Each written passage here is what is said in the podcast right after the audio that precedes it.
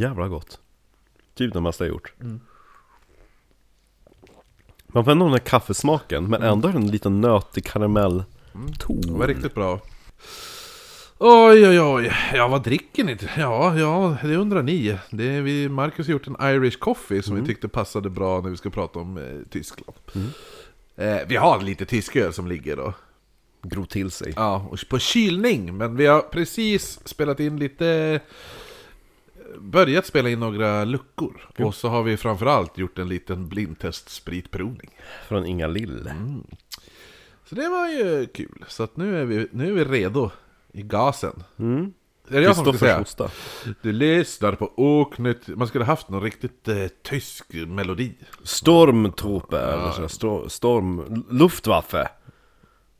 Luftwaffe Men, und... har, har- de en melodi? Jag sa jag skulle vilja ha sjunga Jaha. en melodi. Jaha, en melodi. Ja. Nej, du lyssnar ju på Oknytt. Det här är en norrländsk humorpodd. Där jag, Kristoffer Schmartaling, sitter tillsammans med Marcus, SS-smugglaren Österström och pratar det mystiska, det märkliga och det makabra över ett glas alkoholhaltig dryck som vi sa just nu är Irish coffee, men kommer ändras till tysk öl. Ehm, Ja, vad, vad ska vi säga mer? Det här är ju som sagt en humorpodd och ämnet vi kommer att ta upp idag är ju inte förknippat med humor speciellt. Eh, vi kommer ju som sagt inte skämta om, om vad heter det nu, morden och de hemska sakerna som gjorts, utan vi kommer ju, det är ju Omständigheterna. Ja, och hur jävla sämst Mengele var. Framförallt. Och vissa saker är väldigt skrattretande. Eh, så att bli inte sur ifall ni tycker att någonting är roligt till ett sånt här ämne. Hör inte av dig, ge oss inte dåliga betyg. Sätt dig bara hemma och sura över ditt tråkiga liv. Eh, tycker man däremot att det här är skitbra, ja då finns vi på lite överallt. Då finns vi på Instagram, där heter vi atoknyttpodd. Eh, vi heter oknyttpodd på Facebook. Vi har en mail som är oknyttpodd.gmail.com där vi inte svarar på hatbrev. Eh, där, vi finns även på mer ställen. Vi har nu en YouTube-kanal där vi släpper avsnitt varje lördag från våra resor och annat. Som är väldigt roligt. Sen har vi en till podcast som enbart finns på Patreon. Som heter Viktorianska mord. Där vi släpper avsnitt varje måndag. De mördar så jävligt mycket folk under den tiden. Eller hur? Och det var göttiga mord. Så att eh, där blir man månadsgivare på eh, patreon.com forward slash oknytt. Då kan ni gå in där och bli månadsgivare. 5 dollar eller mer, då får man tillgång till viktorianska mord. Annars man, finns det ju annat där också. Men Vickisar är ju ändå... Ja, man får gärna ge mer än bara 5 dollar, ja, just saying. Då var den lilla disclaimern och infon avbetad. Vill du veta en sak Kristoffer? Vad? Det är ingen whisky den här. I Irishen? Det slog mig. Nej, den är ju oöppnad där. Mm, det är därför det är så mycket kaffesmak. Exakt! Så det Jag här- bara, du vad bara- gott det var! Du bara, det här är den bästa Irish jag har gjort och så har du inte ens i, i whisky. Nej. Ja, men springa och hämta äh, den där och slå Jo, på jo, en skvätt. jo, jag ska. Nu smakar det inte lika mycket kaffesmak. Nej, Nej, så jag bara, gud vad kaffesmak det exakt. var. Jag bara, oh, gott. Och så jag bara, bra balans! Stört. Ja, Inga Lill skulle sett oss nu. Exakt. E- Efter blindtestet. Ja, men ehm, jag kan ju inleda med en liten eh, anekdot eller ett citat. Och det är ju vad han Josef gjort dig, det är med introt också. Och det kommer ju från en, eh, en som var väldigt för Josef Stalin i, i, i hembyn, antagligen i Fillingen tror jag att det var. Så att det var, om det var någon som kritiserade Stalin i efterkrigstiden, då kom den här jävla kärringen och bara Hörde du, vad har en Josef gjort dig? Jag hade för mig att det var din farfar som sa det här. Ja, alltså farfar har berättat om det, Jaha, okej, men han var ja. inte själv någon av dem som sa någonting om Nej, repli- han var inte replikerna. kommunist din farfar. Nej, han röstade faktiskt på Moderaterna. Ja, Han var egenföretagare. jo, Ansåg han. Jo, men när röstade han på dem? När de ansåg som var nazistparti? Alltid. Jaha. Ja. Ja men det och, ja, inte ens Centern tror jag han röstade på. Hemskt är hemskt. Ja, men i alla fall, som Vad sagt. sa du? Hemskt är hemskt, sa jag. Nej, ja, jo, ja. Men vadå? Ja, nej men, eh, nej men så var det i alla fall, att, att när folk höll på så kunde någon säga det. Vi ska prata om Doktor Josef Mengele. Josef. Det låter ju också så gulligt Josef, alltså jag har bara bra erfarenhet av det namnet Nej, inte jag. Va? Eh, han var även känd som den vita ängeln och Todesängel. Men då? Josef. Sta- Tordes? Ja. V- Vem är Tordes? T-O-D-E-S. Todesängel. Jaha okej Dödsängel. Jaha Ja. Totes Totes. Ja. Eh, så Dr. Josef Mengele, alltså då The Angel of Death, han var en jävligt dålig läkare. Som under andra världskriget fick fria händer att utföra olika mänskliga experiment för att kunna styrka olika teorier. Han var väl inte ens en riktig läkare?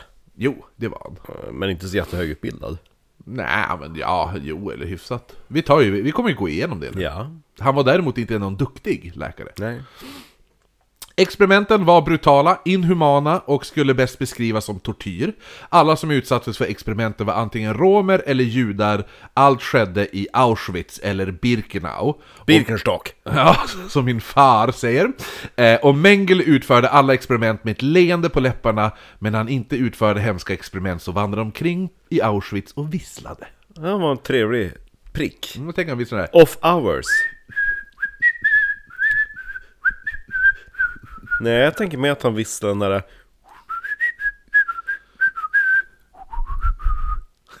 Typ, Troll, ja. troll, ja. Ja Eller...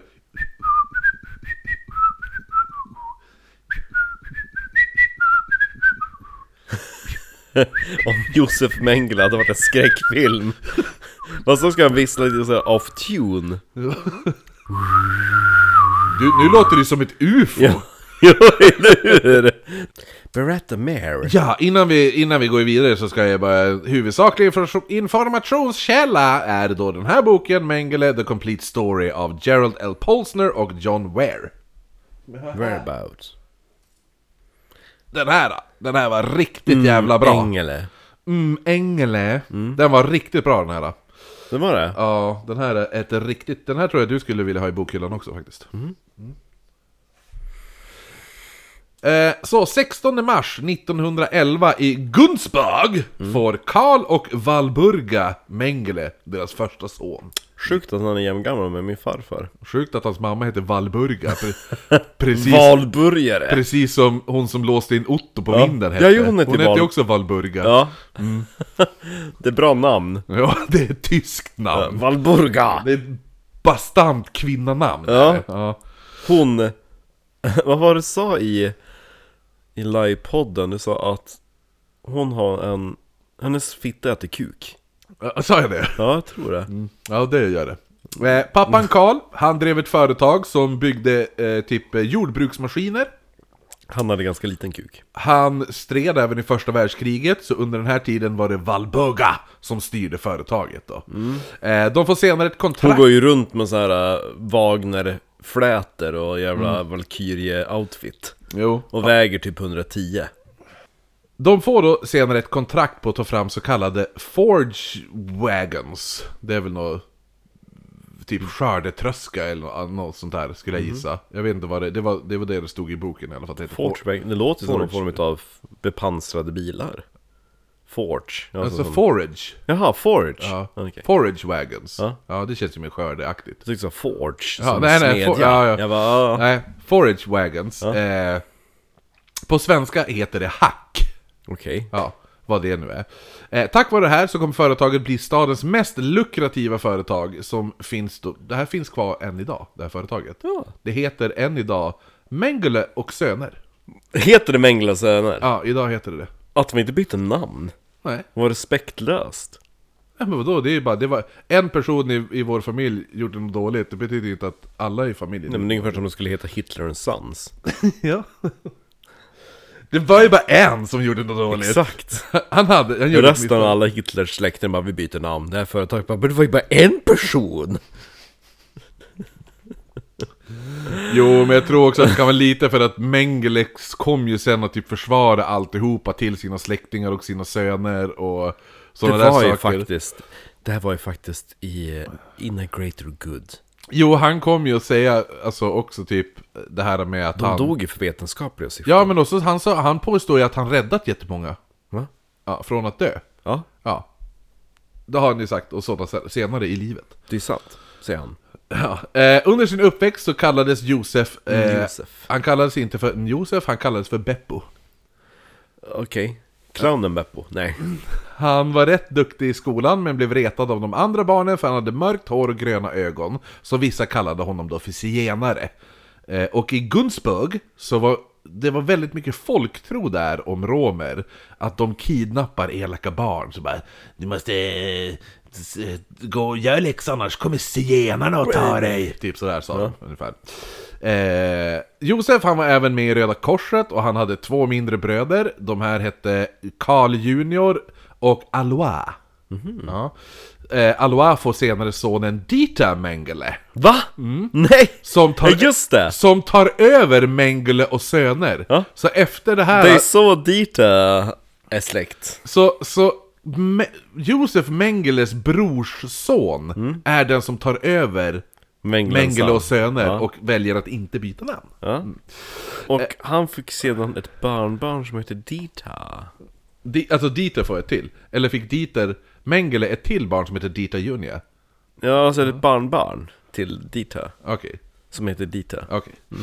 Eh, Han är som Cher, han har inget efternamn. Nej, bara precis. Dita. Det enda riktiga traumatiska som Josef var med om som barn, det var när han var sex år och höll på att drunkna i en tunna med regnvatten. Hur lyckas han? Ja, han skulle väl ner och dricka antagligen. Jävel. Tänk vad mycket elände han har besparat världen om han har bara drunknat i sin jävla regntunna. Ha- Det hade nog kommit, det fanns i, han var inte den enda läkaren på, på, i Auschwitz, Auschwitz. liksom. Nej men Nej. det hade besparat lite. Framförallt tvillingar hade besparat. Ja. Eh, kanske för att han får ju sin tvillingmani från en annan person. Så att. Jaha okej. Sen höll han nästan på att dö också när han fick blodförgiftning och även benmärgsinflammation, men han överlevde det. Mm. Eh, Seg!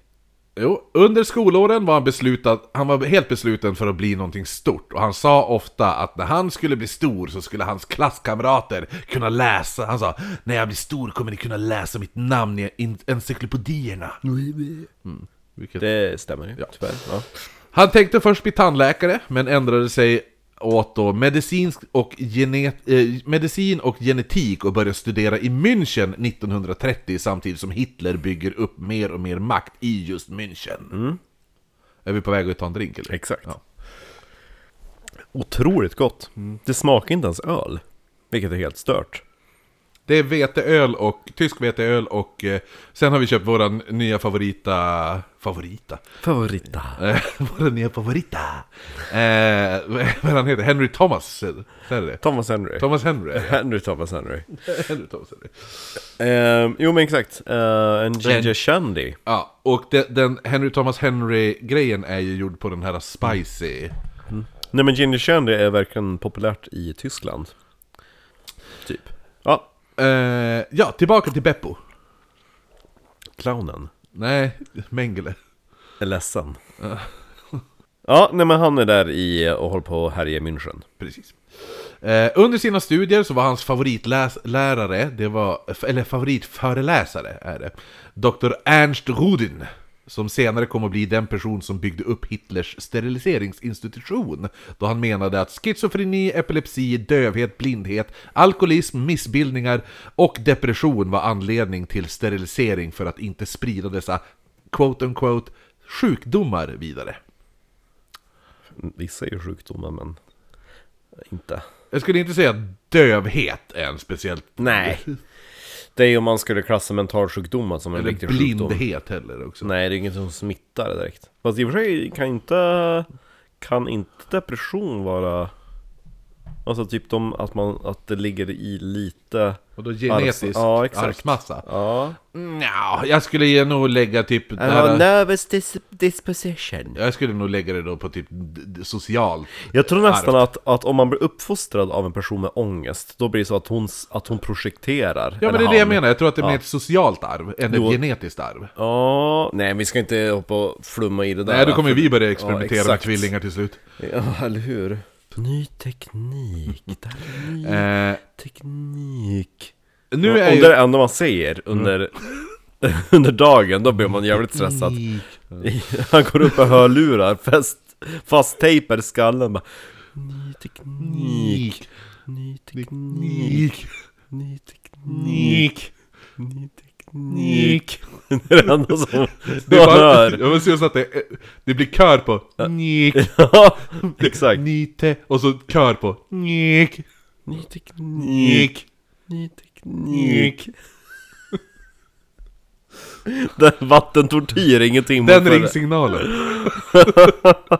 Eh, Ja, eller hur? Ny teknik. Ny teknik. nik.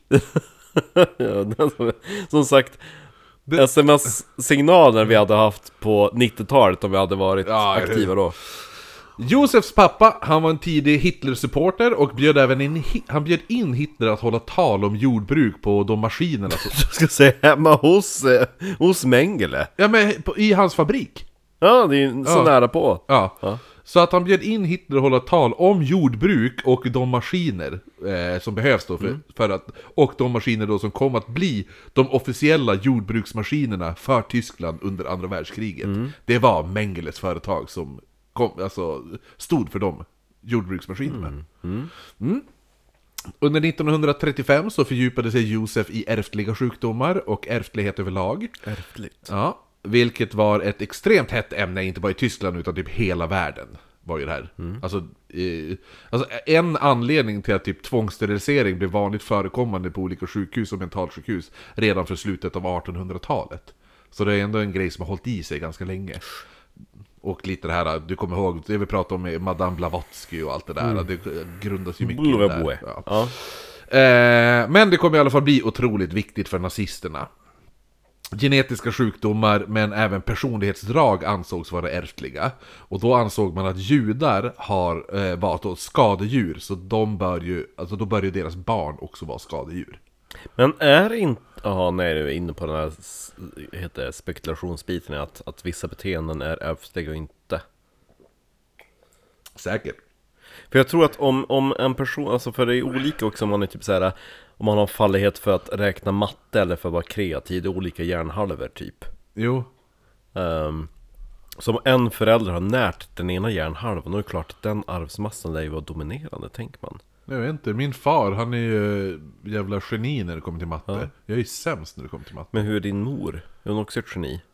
När det kommer till matte? Ja. Nej. Ja, då kanske det är Ja, men, men anledningen varför jag, jag, varför jag inte ens vill ta i matte är därför att mina, min, min, mina minnen från att göra matte Ja. kommer från att jag sitter i köksbordet hemma och en uppstressad far som har ett jävla tal framför sig Ja. som är så självklart för honom. Men, och, det och, han, och han anser då att det här måste vara självklart för alla andra. För enligt honom så är ju citat Är du dum i huvudet? det, citat, matte, det är ju världens språk, ett språk alla kan prata!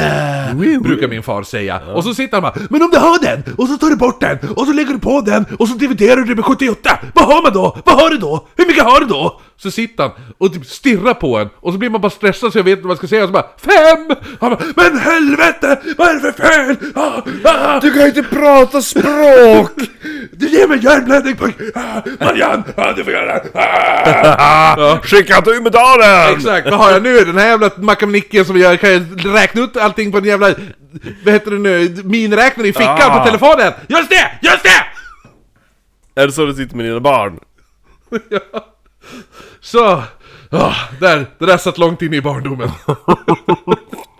ja, ja, det ser det ju. Nej men ska vi åka ner till Stockholm och umgås med din familj? Jag vet inte, så länge det inte finns någon mattebok i närheten. ja. Nej men hur som helst, vill man ha en mer djupgående information om det här med arvsmassan och genetiska sjukdomar och allt det där. matematik, Ja, matematik. ny teknik Nej men, nej, men, då, då, ja, men då tycker jag att man ska lyssna, lyssna på typ vårt avsnitt om nazisterna som vi gjort förut. Då pratar vi lite mer om det. Ja, Eh, hur deras... ehm, Ja, men typ hur, nazisterna och det ockulta när vi går in i Madame Blavatsky och Hur typ där. deras värdegrund uppbyggdes Ja. ja. Eh, så För det var ju då, åh, arier och atlantis Ja, men det, var, ja, men det är ju Madame Blavatsky och Ja. hennes jävla gäng. Ja. Ja. Eh, men i alla fall, det bör nämnas att nazisternas huvudinspirationer kommer till ge, ge, gene, genetik, vetenskap. Och det här är ny teknik! Ja. Det var det man sa på den tiden Det är magnifik! Ny teknik! Få inte Om panik. genetik! De, de, hade varit, de hade varit rappare på den tiden Ja. Eh, Ja. ja, gott med lite ginger shandy. det var det. Nej men så att huvud, huvud eh, in, alltså inspirationen kan man säga, som, som från nazisten, alltså av, som nazisterna hade, det kom från USA, specifikt då Car- California Sterilization Program, eller Program, och var ett betydande, alltså hade, alltså ett betydande ekonomiskt stöd för alla experiment. Det värsta är att det huvudsakliga stödet till Josef Mengeles experiment kom från en familj i USA. Gissa vilken det familj var? Washington? Rockefeller. En annan president? Men, men, Nej, med ja, men jag skulle säga, den, då, den tidens världens rikaste man. Om man säger så. Okej, ja. Eh, så för att alla nazisters propaganda kring vetenskap skulle fungera så förbjöds alla judiska vetenskapsböcker på universiteten. De som sa emot. Ja. Sen sparkades alla judiska lärare och professorer. Och få en inblick i detta så var det alltså 42% av de anställda på Berlins universitet som 1933 får- fick sparken på grund av att de var judar. Det är ändå... De siffrorna skojar man inte bort. En nazistläkare som försökte beskriva judar sa att judarna var världens svar på en inflammerad blindtarm. Alltså någonting som måste opereras bort. Det var attityden man hade. Ja. Lite kul också att när nazisternas rensning av judar, romer och så vidare var eh, som de byggde upp. Tanken var hur, hur lång tid det här skulle ta. Vet du hur lång tid det var? Alltså från att de skulle... Från att nu startas utrensningen tills att allt är borta. Tre år? Tre, nej, 600 år. Va? Var den, det var den grundläggande planen. Va? På att få... 600 år? Ja, och, de 600. typ, och de var typ klar på typ såhär tre år. Så att, ja, men de tänkte, det borde, det tar, om vi systematiskt sätter in nu och börjar, börjar få bort alla. Det, då borde vi vara klara om 600 år ungefär. Realistisk tidslinje ändå, får man ändå ge dem. Eh, hängivet också. 600, 600 år. Jo. ja. Men som man kanske förstår så var det inte speciellt svårt att, att fylla alla de här platserna inom sjukvård och lärare och sådana där saker med mera. Det här var ju perfekt nu för Josef. Ja. Ja. Så han, sö- ja, han sökte till alla möjliga tjänster, vilket gjorde att han skickades på olika vetenskapliga studier, konferenser, och han åker runt på sådana här saker hela tiden. Eh, För fram, att det är ju världens största brist på lärare. Ja, han kan ju timvicka över, ja, ja och sjukhus också. Det är doktorer har ju fått eh, sparken och alltihopa. Ja. Så att han, Lärare, alltihop. han timvickar som lärare, läkare, professor fram till 19... Man kan vikariera som professor, det är fan bäst. Ja, han timvickar fram till 1937. Ursäkta professorn, har du avlagt examen? Håll käften! Eh, nej men så, fram till 1937. Efter det här så var man lite tyst om vad man brukade prata på alla de här kons, kons, alltså, eh, konferenserna och allt sånt där. Alltså du? Din, din examination, vem är det som har ut, utfärdat den? Alltså den här professorn. Jo. Vilken, vilken professor? Nej men också var det lite vad man pratade om det här, det var ju typ bara Ja men hur ska vi bli av med alla judar? Det var ju typ så. Ja. Ja, lite. Så, så sen 1937 då var det så här, nej nej men vi har ju inte, vi har inte pratat om och haft konferenser om att vi har tänkt systematiskt utrota en folkras. Varför, var, nej. varför skulle vi göra det? Dum i huvudet? Men i alla fall, innan det 1936 Ja. tar Josef Mengele examen. Och han hade då, alltså så, när han tar examen då kan han ju i princip få vilket jävla jobb han ville. I hela Tyskland. Eh, när det då kommer till sjukvård. Och han hamnade snart i Leipzig. Heter det väl. Där han får jobb som läkare och han träffade även där sin första fru. Hon hette Irene Schönbein. Sköna bönan. Ja, en 19-årig gammal tös som beskrevs som blond... 19-årig gammal tös, det låter som att hon var gammal för sin ålder. 19-årig ung tös då. Ja. Ja. Snygg tös. Eh, hon beskrevs som blond och snygg. Ja. Eh, det, var, Arisk. det var det enda man sa, inte ett ord om hennes personlighet. Nej. Så Malin i Saltkråkan. Ja. ja. Hon hade arierna gått igång på. Oh ja. Vem, ja men. Hon är ju hon är en klassisk... Eh, hon är ju kla, klassisk beauty. Ja, Malin ju. Eh, vad heter hon? Heter hon Elisabeth? Hon som spelar det va? ja Malin kan vi bara säga. Direkt man säger Ma- Malin-esk skönhet, då vet alla exakt vad Vilken man pratar Malin, om. ja. Ja, man behöver... Det, vadå, vadå Malin-esk? Man vet exakt vem det är. Mordmaling. Eh, 1 januari 1937 jobbade han på Tredje rikets institut för ärftlighet, biologi och rasrenlighet. Kul, vad är det här för riken håller på att bygga? Det tredje, jaha, kul. Ja. Behöver ni lärare? Ja, ja, vi har inte ens ett universitet. Eh, ja, men eh, vi har ett institut däremot, där kan du få jobb. Ja. vad är det för institut då? Det är ett institut om ärftlighet, biologi och rasrenlighet. Ja! Det är sånt som jag kan. ja. Han får även en assistent. Jag har vikarierat som professor. Hej! Han får här en assistent. Ja. Men framförallt så hittar han en mentor som kommer att bli få otroligt be- eh, stor betydande för Mengele. Det var professor Ottmar Freiherr von Welschauer. Du känner till han va? Nej. Ottmar Freiherr von Welschauer. Nej. Nej, inte jag heller, men det var det han hette. Ja. Vi ska lära känna han lite nu. Han hade speciali- specialiserat sig i forskning kring tvillingar. Mm, Eller svillinge. Svillingar. Speciellt att hitta hemligheten kring den ärftliga aspekten när det kommer till tvillingar. Och på så sätt kunna utöka den ariska rasen. För det är ju ärftligt. Har man haft tvillingar i släkten så är det ju högre risk slash sannolikhet att man får tvillingar. Precis, jag har, en, jag har en kompis som är tvilling, hon födde tvillingar. Det är exempel. sjukt för mormor har... är en tvilling. I- Fick inte tvillingar. Eh, mamma fick inte tvillingar. Min syster fick inte tvillingar. Nej men vadå, det kan ju vara att eh, någon har inte sagt att någon är adopterad. Eller hur? Du bara ha, där rök hela din släktforskning i jävla kraschlandade Tur att, att min släktforskning ligger på Österströmska sidan, inte på morsan. Ja, eller hur? Du vågar inte chansa där. Ja, nej men också just det här när det kommer till, för kan man hitta hemligheten till varför tvillingar får tvillingar? Ja, så kanske du kan eh, ta ut den, Maxa det. den arvsmassan. Och kanske sätta in den på folk där inte tvillingar finns. Nej men det är coolt att de... Ja, och att då, de ja, för då kan man då kan så. bara, ja men får vi säga, då kan vi, in, då kan vi injicera alla ariska människor med, till, tvillingar. med tvillinggenetik. Eh, och då kommer ju de automatiskt få tvillingar sen. Men alltså, med hjälp utav ny teknik ja. eh, så då vet du, då och kan... genetik. Ja. så kommer ariska rasen bli magnifik. Eh, nej men så, som var som ledde till Hitler. ja, nej, för då kan du ju, lyckas man då, eh, alltså in, Mein Führer, ja. Jag har lite ny teknik som baseras på genetik som får göra den ariska rasen magnifik. Oh, berätta mer! eh, nej men för då är det ju också, kan du, kan du, Du kan, du, kan du koka soppa på en spik? Ja. Och jag, jag vill inte höra någon kritik. Men jag föredrar att äta sik. Gjord på lik. Ska vi gå och prata vidare på ett fik? det här var, du får absolut inte ta det som en pik.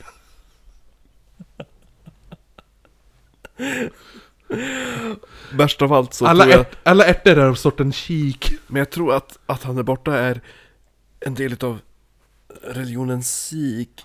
Titta den där hunden, jag tror det är en tik. Har jag sagt att jag är väldigt rik? Mm, vilken god lunch, den är väldigt smakrik. Nu tror jag vi, har- nu tror jag vi maxat ut alla ik här. Eh, ja, eh, nej men så att, så att då är det ju också det här att eh, eh, kan man då få in den här genetiska arvsmassan i ari, ariska människor, då kan du, då kan du ju dubbla ariska, lik. ja, ariska lik, du kan du, du, mångdubbla hela ariska rasen liksom. Det är jättebra med ny teknik och genetik. I alla fall, Ottmar Freiherr von Wölfschauer, Ja. han var ju då, eh, och Mengele, de kom, En väldigt, riktig professor. ja, men de kom väldigt nära varandra. Och Hur nära? inte gay nära. I maj blev han precis som sin ny... Alltså... Vet du, så blir Mengele precis då som sin nyfunna mentor, han blir medlem i nazistpartiet. Och, SS. mm, ja, inte bara alltså... Inom ett år så var han medlem alltså, i SS. Ja. ja. Eh, för nazistpartiet var väl NS, NZ? Eh, men- Nationalsocialistiska. Storm, eh, Alltså SS är ju en typ, annan. Ja, ja. SS är ju inte nationalsocialistiska Det, är inte, det är inte parti, det är en, Nej, precis. En, det är en del inom militären. Ja, exakt. Det är det jag menar. Att, men först, för du sa SS eh, när jag sa nazisterna. Mm. Men sen, det tog ett år innan han vart medlem i SS. Mm. Men det är ändå ganska snabbt. Väldigt snabbt. Det är ju elitstyrkan. Ja. Eh, alla som var med i SS, Mm. De tatuerar in sin blodgrupp Mm. på kroppen. Coolt. Det gjorde inte Mengele. Nej just det, för, att han inte, för han insåg redan då att det skulle kunna komma att användas emot honom. Nej, det var inte anledningen. Nej.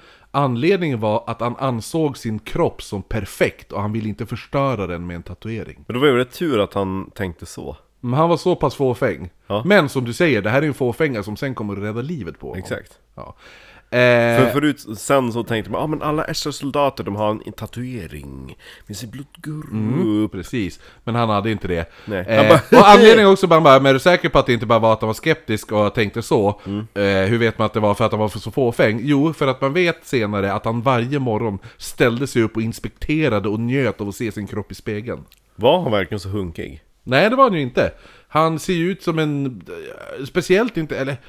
När han ler är han ju verkligen inte hunkig för att han har det här Povel Ramel-eska gluggen. Ja. Så att han, det är så här. Och sen när han lägger till några fula briller så blir det inte bättre heller. Nej. Liksom.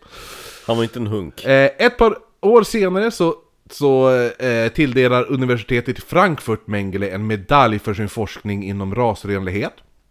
Han började även hjälpa till under rättegångar för att avgöra om han hade judiskt påbrå. Eh, det här är lite roligt för han, då han själv under juli 1939 tänkte gifta sig, men höll på att nekas av SS för han kunde inte bevisa att hans fru Irene var renrasig fyra generationer bakåt. Mm. Men äktenskapet godkändes till slut efter att Mengele skickat in dokument till Centrala byrån för ras och omplacering. Eh, och dokumenten kartlade hennes släkt, men de kunde inte bevisa att hon var släkt med den hon påstod var hennes gammelfarfar. Så då fick hon inte vara med. Mengele får efter då, det, det här, han får gifta sig, men han får inte vara med i Das Sippenbuch. Okej. Vet du vad Das Sippenbuch är? Nej. Det var en stor bok där alla renrasiga tyskar skrevs in. Ja just det. Fem veckor senare bryter kriget ut och Mengele var, Jag känner till det i alla fall. ja, Mengele var taggad på att strida, men på grund av en tidigare njursjukdom var han tvungen att vänta två år innan han fick se lite action. Då. Det tog till 1940... Mellan ariska män. Det tar till 1940 innan han blir stationerad i armén, men det tog bara en månad innan Mengele hade titeln Untersturmführer. Ja, även känd som Under stormförare, anförare. Ja. Fjö, fjö, ja, ja, men alltså det, är, det är typ andra gradens löjtnant. Ja, ungefär. Och tack vare hans framgång inom armén placeras han därför nu i Waffen-SS. ja. Eh, 1941, det, äh, det, det tar till 1941 innan han får strida för första gången. Men när kommer dit här in i historien? Dieter! Ja. Alltså hans brorson. Ja fast Dieters, den brorsonens son, son är ju Dieter. Ja men han kommer väl in i, se, i när han föds senare. Långt senare. Var ska Dieter komma in där? Inte vet jag. Nej. Eh, det tar till 1941 innan han får strida för första gången och Josef Mengele var precis som, eh, ja, inom det. Sjukvårdsgruppbefäl inom det militära. Jaha. Eh, Mengeles första strid kommer att bli ett, ett slag i Ukraina, där han sedan tilldelades järnkorsets andra klass efter bara några dagar. Otroligt. Eh, anledningen till varför han var så bra sjukvårdare var för att Mengele hade så bra koll på vilka som var värd att räddas och vilka man kunde lämna döende på slagfältet. Så att därför var det väldigt bra, vad heter överlevnadsrate. Ja, eller hur? För han bara, rädda han. Ja, exakt. Han tar vi, han tar vi, han där är inte... Han, det är inte Du släpar hem 10 personer men 8 utav dem dog. Mm. Mengele släpar hem 10 och 9 överlevde. Precis. Ja. Lite så. Det var inte som i den där Hacksaw Ridge-filmen när han försökte rädda alla där. Men han fick ju också en sån här super... Eh, såhär... Vad heter det nu? Ah, vad fan heter det? Ja, men såhär, det, inte järnkorset men... men Ja, det är men man gör the, the, purple, the purple heart eller vad fan det är. Ja. Han, som, han som bara räddade hur många som helst. Han var sjukvårdare och vägrade bära vapen. Under andra världskriget när de stred mot japanerna. Eh, amerikanerna då såklart. Eh, samtidigt som striderna pågår och Tyskland invaderar mer och mer mark så kom koncentrationslägren att, att utvecklas allt fortare. Och få nu en liten förståelse hur snabbt allt går från att döda en person till att systematiskt avrätta människor. Eh, så kanske man ska veta att allting började med ett vanskapt barn. Jaså? En SS-soldat och hans fru... Ett så kallat äckelbarn. En SS-soldat och hans fru får ett barn utan armar och utan ben. Men gud! De lämnar ifrån sig barnet till sjukhuset och sa då citat Vi kommer inte ta hand om det här barnet. Och så går far de därifrån. Och ingen kommer ju adoptera det här, barn, ba- det här vanskapta barnet heller. Och man är under den här tiden typ, alltså man är ju lite besatt också av, av genetik och rasrenlighet och sådana där saker. Plus att man bara, men vi, har- vi har ingenstans att, att sätta det här barnet. Nej, eller hur? Det behövs ju typ såhär Ja. omsorg 24 timmar Ja, så om dygnet. snart ger då Hitler sitt godkännande att göra sig av med det här vanskapta barnet. Jag tänker bara att han får ett brev Hitler i Berlin vid sitt skrivbord. Alltså det är ju inte att han får specifikt om det här barnet, men han får ju då... Nej men, ah, ha, har ni sett? Jag har fått ett brev om ett barn utan, utan ben och armar! Och de frågar, "F- snälla fyra, får vi döda det? Jag säger ja! Nej, det, det som var... Så tänker jag att det gick till. Det, det var var ju att det var det här, vi har jättemycket barn som, in, alltså, som ingen kan ta hand om. Fast läser man mellan raderna så står det, snälla fyra, får vi döda detta barn? Det var lite så. Alltså det var ju det som stod mellan raderna, men, men det som var, det, i, i principen är ju det som står eh, det, det är för mycket, vi kan, ta, vi kan inte ta hand om, vad ska vi göra med alla barnen? För folk, folk vill inte ha sina barn som är vanskapta, eller döva, Nej eller hur? blinda. Det är inte rätt så Nej, eftersom, eftersom alla är så besatt av genetik och sådana där saker. Ja, alltså när han växer upp, vad ska, han, vad ska barnet Ja, bli då? och, vad, typ? och hur ska vi ta hand om alla barn som lämnas och allt sånt där? Ja, så till slut bara- så Hitler ja, bara, ja, ja. han bara, nej men, men gör han, han, Barnet är värdelöst, förstör barnet. han sa typ, eh, ja men dispose of it ungefär. Ja exakt, Ja, förstör. mm, så det här öppnar ju nu dörrarna till att göra sig av med massa oönskade människor. Ja det var inte det jag sa, sa att förstör det barnet. jag, jag tror inte att det var specifikt just det Just barnet. det barnet. Eh, Som ni beskriver om. Ja, men då läser de mellan raderna tillbaka. Ja. Men vad fan har ni gjort? ni har ju dödat alla barn på barnhemmet! Eh, Va? Stå till svars! Sen kom då fler och fler missbildade, eller då, alltså... alltså Helt plötsligt bara dök upp massa missbildade barn. ja men, ja, men det, det fanns ju massa sådana här. Så att missbildade eller då typ utvecklingsstörda barn, de lämnas nu in till institutioner. De här institutionerna öppnar ju som upp dörrarna och säger nu till tyska folket eh, Vi kan ta hand om era vanskapta barn. Ja. Så att lämna, eh, eh, då lämnas de då in till de här institutionerna där man förser dem med injektioner med gift oralt eller... Och, men, alltså, de får ju då dricka gift då. Ja. Men man insåg snart att man måste sy- systematisera det här, så snart installerar man då de första gaskamrarna. För barn? De första gaskamrarna byggdes inte på koncentrationslägren utan på sex olika mentalsjukhus dit man kunde skicka vanskapta eller utvecklingsstörda barn. För jag vet ju att de experimenterar ju först i koncentrationslägren hur man bäst skulle avliva fångarna. För de insåg alltså att låta soldaterna skjuta ihjäl dem, det är alldeles för traumatiskt för, för soldaterna. Jo, det var ju det, alltså de hade ju typ en... de här soldaterna, jag kommer inte ihåg vad de här gruppen, det var ju en specifik grupp på typ 500 soldater. Ja. Eh, som gick omkring och de typ, om man säger så De här... maskingevärade ner Ja. judar Eh, de hade typ... i massgravar. Ja, exakt. Och de, de, de sa ju det, alltså de flesta tog ju typ livet av sig. Jo. Eh, och, Och sen så var det typ såhär, ah, men om vi tar en lastbil och kopplar avgasröret in till lastutrymmet. ja, precis. Ja, fast var- då hör vi ju när vi kör lastbilen hur de skriker och dör. Om man säger så här, en av de första av de här massavrättningarna tror jag det dog 70 000 pers under vad är det, 48 timmar tror jag. Non-stop avrättning. Skjuta. I, skjuta ja. ja. Alltså i de här, alltså den här, den hette ju typ så här Typ sanitationsgruppen eller något, alltså det var ju Ja, något sånt där Jo exakt. Som det För att hette man rensar ju. Ja precis, och jag tror, jag tror att de, de avrättade med skott Mm. På 20, 48 timmar tror jag var eh, 70 000 pers eller något sådär. Har jag för mig. Det är helt så absurda siffror. Och de sa ju det att de här soldaterna, de klarade max fem månader i den här gruppen. Sen vart ju de stört. helt... Ja. Eh, så att eh, gaskamrarna startade då, de första gaskamrarna var på sex olika mentalsjukhus Dit man skickade då vanskapta eller utvecklingsstörda barn Däremot så var, men ska du prassla och äta choklad Som när vi du pratar... spiller sprit över mina möbler. Ja men hur kan man sitta och njuta av choklad och prassla när man pratar om att gasa ihjäl vanskapta barn? Ja men det är inga barn som de vill ha kvar. Ja, du, du kommer ju vara jävligt omtyckt i en stödgrupp för judar under andra världskriget nu. Eller hur? Ja. Innan avsnittet, vi kommer ju såklart inte skämta om offren.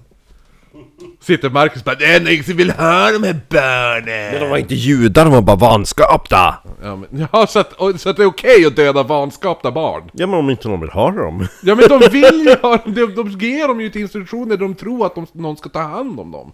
Nej men det var ju de där uh, arierna som bara, nej vi vill inte ha det här. Ja, men de som kommer dit och... Då, det, Jaha, du har ett sånt ställe nu. Ja, jag sa ju det, de öppnar dörrarna och då kommer familjer Åh, kan ni hjälpa oss att ta hand om vårt barn? Vi har svårt att kunna ta hand om det här barnet för vi är inte den rikaste familjen i världen Eller hur? De har inte är ett varken krig. armar eller ben. Nej, men det kan ju vara också, det behöver ju inte vara Det kan ju vara if- ifall de har fått ett barn med down syndrom Det kan ju vara ifall de har fått ett barn som är döv Det kan ju vara ett barn, alltså På den nivån är det ju Och du bara ja, det, det är bra! Jag suger på choklad, det heter Marco Jo, ja men det var jättegott för choklad. Ja. Eh, som sagt, föräldrarna är ovetandes om de här gaskamrarna. Annars hade det varit väldigt kul om de hade gått dit. Och då, Det, det står som så här på förskolebeskrivningen bara "G- Gaskamrare! Ja, dit går vi! skriver vi på barn.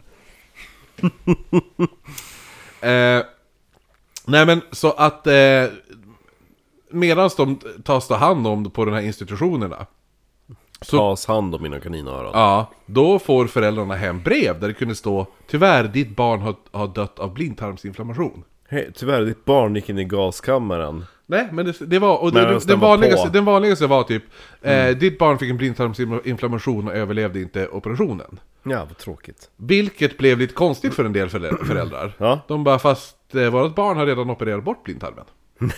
Då, då fick de tillbaka till svar. nej, nej, nej, nej. Så att det var lite, åh, åh, jo men nej men oj, det var nog inte, det var en annan... Det var ju det vi upptäckte när vi separerade. Så att, så att de var inte... Den är ju borta! Ja! Du öppnade upp det va? Åh nej, vi måste operera bort blind... Den är ju redan borta! Åh nej! Vad ska vi operera bort nu då? Levern kanske? Den kan man köpa- måste inte ta bort någonting! Ja, exakt. Det är något fel på barnet. En sak till att eh, ta till sig också så här. Eh, den här vanskapta bebisen. Eh, det, alltså, det var ju så här, den här den vanskapta bebisen i början där som vi pratade om som vart som den första som öppnade dörrarna till allting. Eh, han mördade... Hitler gav Ja. sin Go, ja, go to, ja va? precis. Det vart ju då typ alltså också att det här är det, först, det första offret. För... Förintelsen. Ja, för, för, ja, eller det första offret för den ariska rasens fortplantning. Hmm. Också. För tidigare hade man ju gått ut och typ, ja, man skjuter ihjäl judar och det gör så. Det här är ju första gången när man dödar tyskar som, som inte uppfyller den ariska normen. Hmm. Så att säga. Så det, det, det, jag tänkte bara säga, det barnet är som sagt det första för... Första offret för ariska rasens fortplantning. Coolt, att, eller coolt att man vet att det är liksom Ja. startskottet. Ja. Och att det var en SS-soldats barn också. Mm. Eh, 1942 börjar Mengele i Waffen-SS medicinska avdelning i Vikingdivisionen. Mm. Han stred då i slaget om Rostov, där han faktiskt räddade två skadade soldater ur en brinnande pansarvagn. Han tilldelas nu första klassens järnkors. Mm.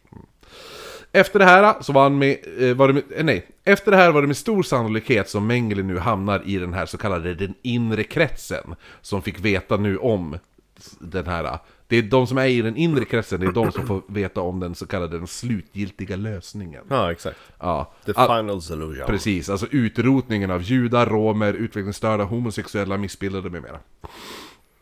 Jag tänkte bara säga, jag kommer att säga utvecklingsstörda, för att det är det enda... Det är så det står. Ja, eller hur? Eh, så att... Eh, Du får säga bögar också. ja, bögar var också med där, eh, på något jävla hörn. Eh, Alla roliga personer i världen ska man ha ihjäl. Romer, judar, utvecklingsstörda, homosexuella och missbildade. Ja, det är de roligaste personerna du vet. Nej men alltså... Ifall du ska bju- ha fest, det är de du bjuder. Eh, de som skulle utföra den här, den här utrensningen, det var Das Totenkopf. Mm. Det, är- alltså det betyder då dödskallarna. ja, Totenkopf. SS hade ju det som sin symbol. Precis, de hade då eh, typ en dödskalle med, eh, är det crossbones på också? Deras... Eh, eh, Alltså, det SS låter- logo är ju typ dubbel X, nej dubbel Z är det ju. Ja, precis. Ja, Är det. ja. Eh, Så förenk- jag tror att det förenklas till dubbelkors sen också i någon version. Ja men det ser typ ut som Jolly Roger-flaggan. Tottenkopf låter ju lite häftigare på engelska kan jag ty- tycka. Va? Alltså The Death's Head Unit. Ja. Det låter ju coolt. Tottenkopf låter ju inte roligt. Det låter ju som Schwarzkopf, shampoo. Ja. Das Tottenkopf bar då det här märket dels på deras keps, deras ha, alltså, så här, hand, hand, alltså the cufflinks. Eh, som. Ja, precis. Sån där som Bruce Wayne pillar med i en halvtimme. I filmen. Ja just det. Ja. Eh, Bästa, bästa scenen. Jo.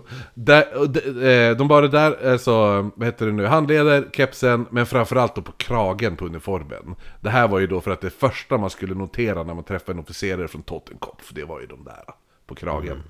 Eh, och det var ingen som bar Tottenkopfs som symboler med mer stolthet än Josef Mengele. Mm, Josef. Beslutet att godkänna den slut, slutgiltiga lösningen skedde 20 januari 1942 på det så kallade Wannsee-konferensen. Var det Himmler som godkände det? Ja, det är alltså, ja, alltså det var ju... Det var ju den här Wannsee-konferensen, då var det alltså, det var 15 stycken SS-befäl, däribland han. Ja. Ja. För det finns inte, det finns inte papper på att Hitler själv har skrivit under. Nej, nej, Han, han var inte med på Nej, den tror jag. nej. Men det var i alla fall, för de som var med, det var 15 stycken SS-befäl som möttes under en lunch. Mm. Under en lunch möttes de för att besluta om att starta utrotningen. Ja. På en lunch! Men det var ju redan etablerat ehm, klimat så att säga.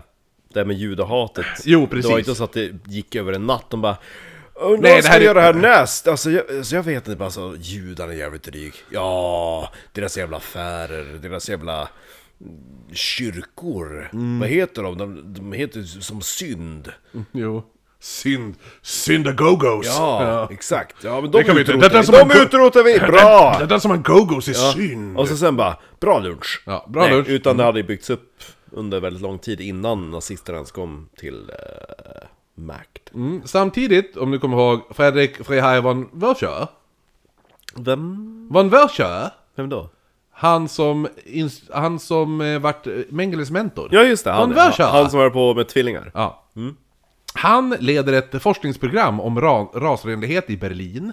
Och han fortsätter nu sätta gri- så här, vad säger man? Griller. griller i skallen på Mengele. Så han var ju, han, han mest trodde ju bara att allting von Wörscher säger, det är sant.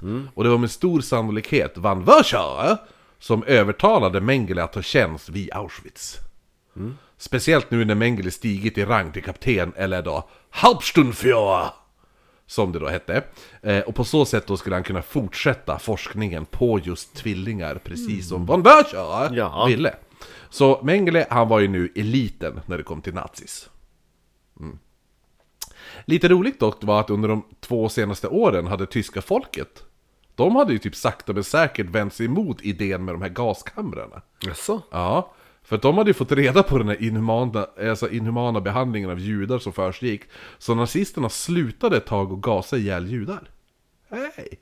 Va? Ja. Oj. Ja. De slutade såklart även att gasa ihjäl homosexuella, de slutade gasa ihjäl romer, missbildade med mera. Låter ju asbra. Fram tills man förstår att de istället försöker svälta ihjäl dem. Eller stänga ute dem i kylan så de fryser ihjäl. Eh, det här är ju då för att, alltså, då, då är det inte lika kontroversiellt. Alltså är det ju typ, så att då kommer ju tyska folket säga bara, ah, men de fryser ihjäl och svälter ihjäl. Då, är det ju, då kan ju, vad heter det, nazisterna då säga, ja, men vi, tar, vi, vi avlivar dem på direkten så de slipper lida. ja, det är mycket bättre. Ja. Ja men lite som, ja jag hittar en skadad hund. Ska jag låta den det självmant dö eller ska jag ja, skjuta den i huvudet här? det är Ja, ju bättre att jo. skjuta den i huvudet här. Så tänkte de. Men också var det lite också man gjorde det här, framförallt nu, man kunde inte bevisa att de hade blivit mördade ifall man svälter eller fryser ihjäl heller. Sant. Värst av allt var att den största delen skedde inte på koncentrationslägren. Det var ju alltså fortfarande på sjukhusen med läkare som godkände alltihopa. Mm. Mengele anlände då till Auschwitz i maj 1943 med ett leende på läpparna. Där Mengele, han, han får ju i princip fria händer att fortsätta med forskningen och vilka experiment han vill och Ja. sådana saker. Eh, och även om försökspersonerna dog på köpet. Och det var oftast någonting, dödandet var lite så här, ja men det var lite givet att det skulle ske. För Mengele och många andra nazister, eller inte många andra, men Mengele var en av nazisterna som ansåg att judarna faktiskt var en intelligensras. Mm. Nästan lika intelligenta som tyskarna, därför ansåg han dem som ett hot. För det var ju en, det var ju en, det var en dålig ras, men Ja. de är smart. Ja. Därför är de ju farliga. Mm. Så för att verkligen bli den överlägsna och dominanta rasen i världen, då måste ju judarna bort. Då måste det hotet bort. Ja. Så att resten av världens raser skulle kunna lägga sig under tyskarna. Eller den ariska rasen då. Så, så tänkte Mengele. Så att han ansåg ju att eh, judarna faktiskt var ett, Smart. ett smart och Ja. ett hot då. Eh, men jag tänkte bara för att förstå lite hur Auschwitz och Birkenau var så förklarar en av överlevande assistenterna till Mengele, eller ja, den, en av den, den överlevande assistenten till Mengele eh, Han förklarar det ganska bra, han hette Mikol, Mikolos Nychly Tror jag, jag vet inte hur man uttalar hans jävla efternamn N-Y-I-S-Z-L-Y Nychly Vad sa du? N-Y? Ja, Tyskt Y? nej, va- vanligt Y Okej, ja. N-Y-I Ja. S-Z-L-Y Nychly Ja. Mm, han, var från, han var från Ungern i alla fall. Mm. Ja, men då var det inte ens tyskt. Nej, Nej. Nej men ja, jag vet inte. Jag tänkte att det var mm, alltså tyska språkregler. Mikl, Mikl, Ja. Miklos låter ju inte heller så tyst eller? Nej. Eh, ja men i alla fall, det här är hans upplevelser av Auschwitz som jag tänkte bara läsa upp från den här boken. Mm, Ja. Han, han den här överlevaren, han skrev även en eh, bok som bara heter typ Auschwitz eller något sånt där. Om, och det är hans, eh, hans personliga upplevelser om Auschwitz och eh, Mengele. Så nu kommer jag läsa direkt ur boken så det kommer vara på engelska. En- Inte på tyska. Nej, nej den här var, den är skriven av britt, eh, brittiska författare. An immense square chimney built of red bricks tapering towards the summit. I was especially struck by the enormous tongues of flames rising between the lightning rods. I tried to realize what hellish cooking would require such a tremendous fire.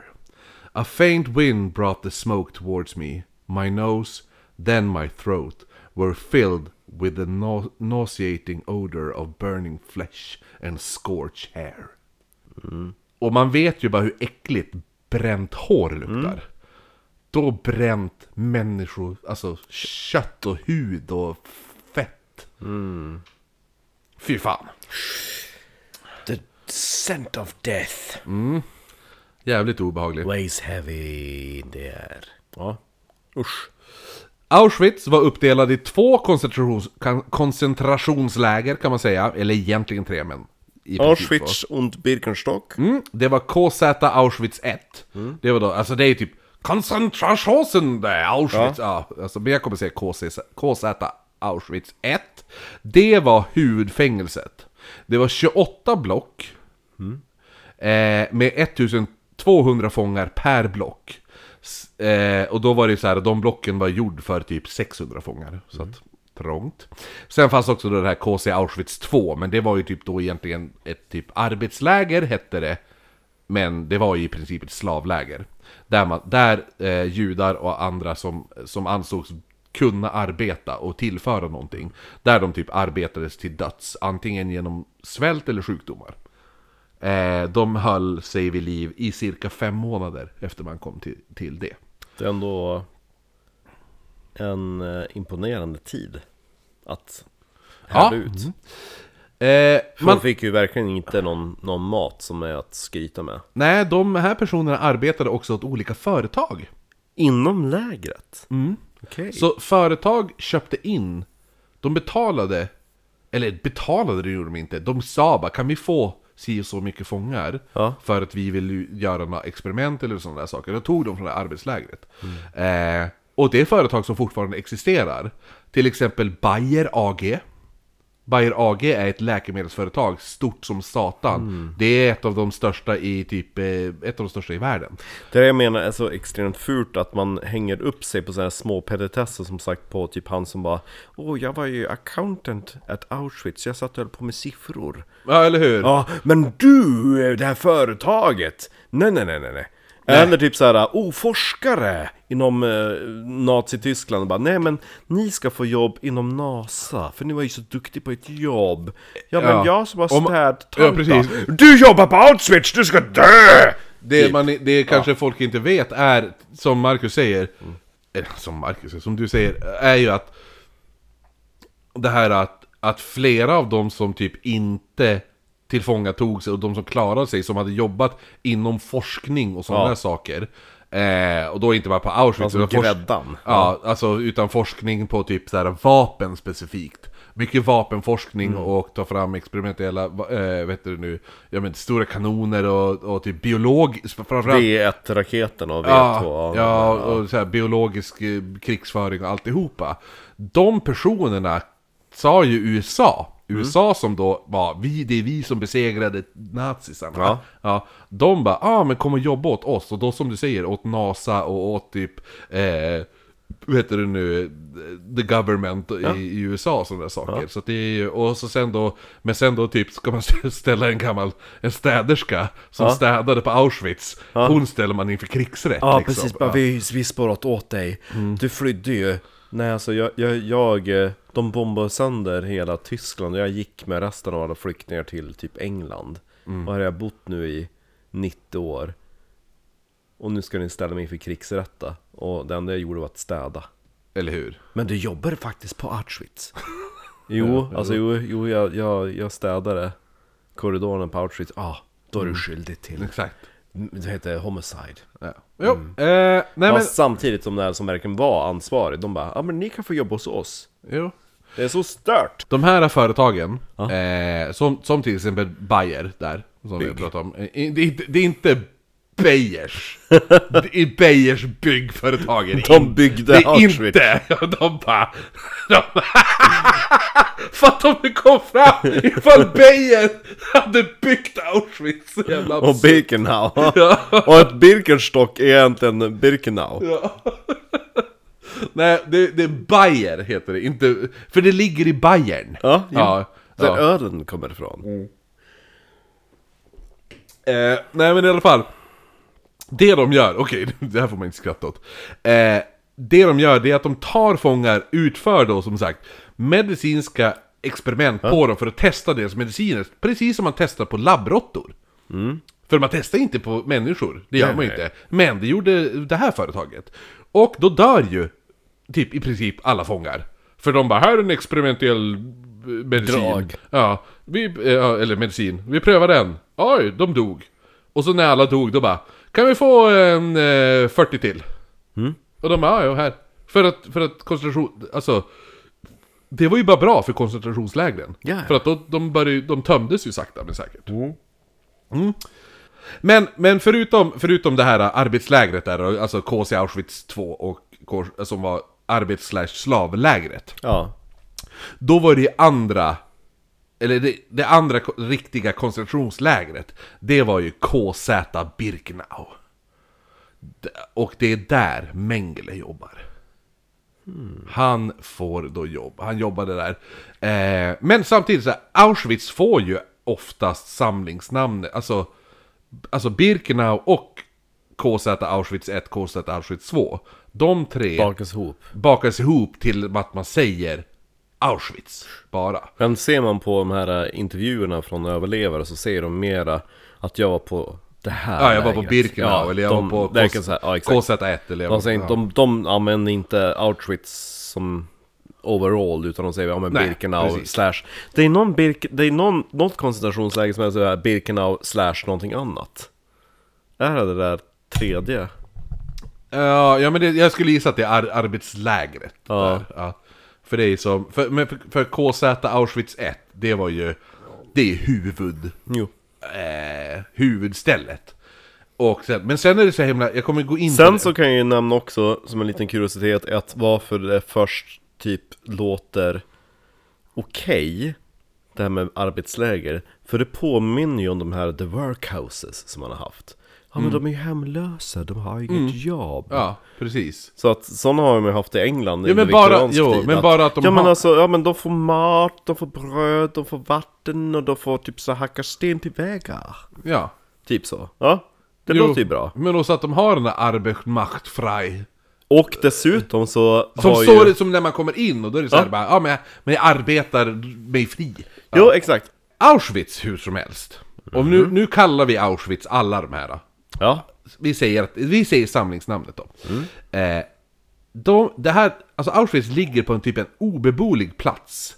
Det var extremt hett eh, på sommaren. Och extremt torrt också som sagt. Men på vintern var det isigt och kallt som satan. Det här ligger typ en bit ifrån Krakow. Koncentrationslägren höll cirka 140 000 fångar när Mengele anlände. Och det fortsatte samtidigt att fylla på. Men för att hålla fångpopulationen nere så kunde man vissa dagar gasa ihjäl 9000 judar. Inom loppet av 24 timmar. Eh, och Auschwitz... Det Det här är, är... det är liksom nio, nio stycken Umeåstäder för 200 år sedan. Ja, berätta mer. Eh, ja, Auschwitz, det här Auschwitz var inte litet. Det var stort som satan. Auschwitz fungerade som en... en Liten städ. Ja, en, en liten stad. Och inte en liten stad heller. Utan det var... Alltså det var, en- det var ändå en, typ, en fungerande stad. Auschwitz hade rödljus, stoppskyltar och typ polis. Eh, som kontrollerade att man inte körde mot rött. Körde du mot rött eller någonting, då fick man böter Ja. i Auschwitz. Man hade ett bibliotek. Man hade fort... Eh, eh, nej, fort, får säga. Fotoframkallningslabb. Ja. Ifall du har tagit lite semesterbilder där inne på Auschwitz. Ja. Eh, man hade en teater. Du hade en SS Schwing... Hade du också. Men det var ju typ så här inom de delar där, alltså, Det här är ju där... staff. Ja, precis. Ja. Mm. Du hade en mataffär. Du hade en biograf. Du hade till och med en symfoniorkester Mm. i Auschwitz. Samt också så då en bordell. fanns inte bara en utan två tror jag till och med, för det fanns också för fångarna. Ja, men nej, det var en. Det fanns ju en för fångarna också. Ja, Eller om men- fångarna gick Nej, dit. det är en och samma bordell. Eh, Jag ska berätta hur det fungerar. Okej, för jag vet ju att det fanns en där fångarna Eftersom det var ju en, det var ju en hierarki inom Alltså fångvärlden också Ja, jag ska, jag ska berätta hur det här Jag fungerar. berätta om bordell Det fanns en bordell. Mm. Den hette Puff. Piff Nej, pu Puff. Paff Den... Piff, Riff Puff och Paff. Raff Riff, raff. Den här bordellen ligger alltså, Den finns I- kvar den finns kvar, byggnaden finns kvar. För, ifall man har besökt Auschwitz, så är det alltså, när man går in genom porten där det står Arbeitsmacht frei, he- vad är Det det? är typ andra till vänster sånt där Första, hus, första huset till, vänster, vänster, ja. det är bordellen Puff. Andra huset, tredje huset till höger, det är bordellen Paff Och den sista till vänster heter bordellen P- vad sa vi? Paff, Piff och Eh, Puff, Puff. och Puff och, och Piff då, Puff, rakt, Puff rakt fram. och Piff, ja. Ja, nej men i alla fall. Så att, och de som jobbade här, Ja. eh, det är ju då typ... Eh, det är ju inte, det är inte frivilliga prostituerade. Det är de snygga tjejerna som man tyckte fanns inom de personer som skrevs in typ Ja, och så är det också typ så här motst, motståndsrörelse och politiska, politiska aktivister. Homosexuella tjejer Ja men det är allting som är, det är så här, det är inte, det är inte typ, du tar ju inte dit judar Nej. eller romer. Nej. Eh, för du vill ju inte, alltså, ifall de skulle bli gravida eller något sånt där, så vill du inte att de ska... Spridas Nej, vidare utan man tar ju då tyska typ eh, motståndsrörelseaktivister och sådana saker.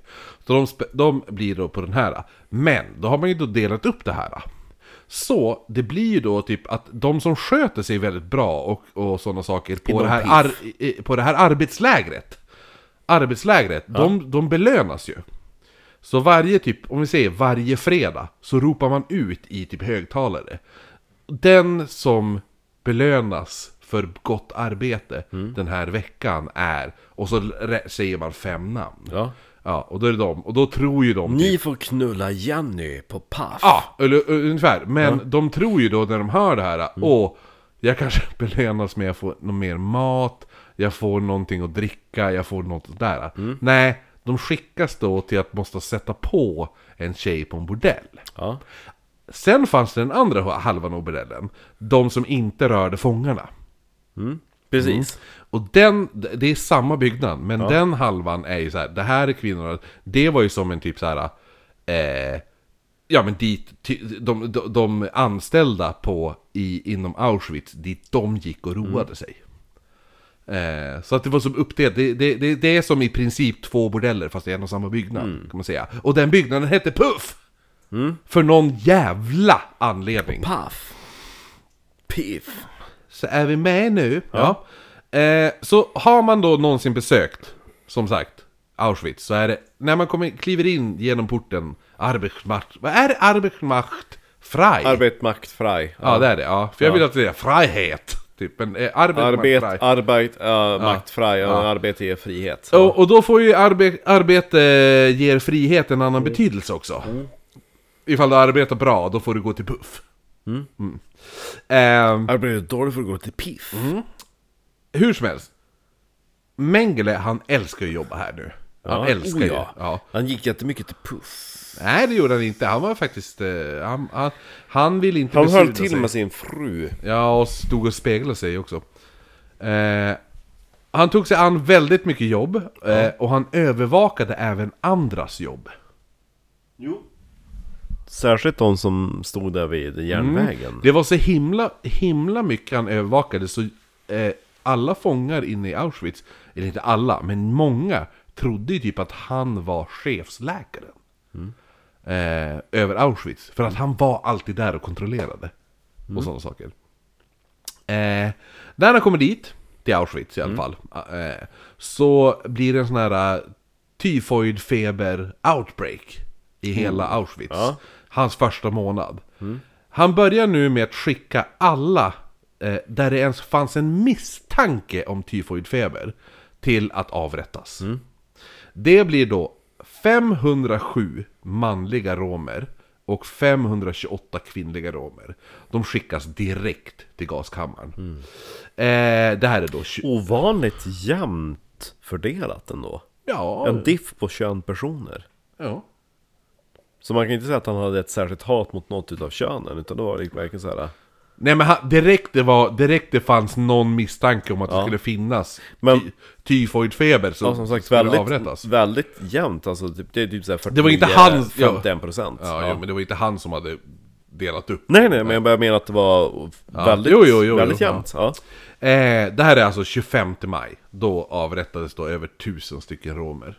Eh, För att de var sjukt. ja, eller hade misstanke om att de var sjuka. Han blir chef sen över, ja, chef över kvinnolägret i Birkenau.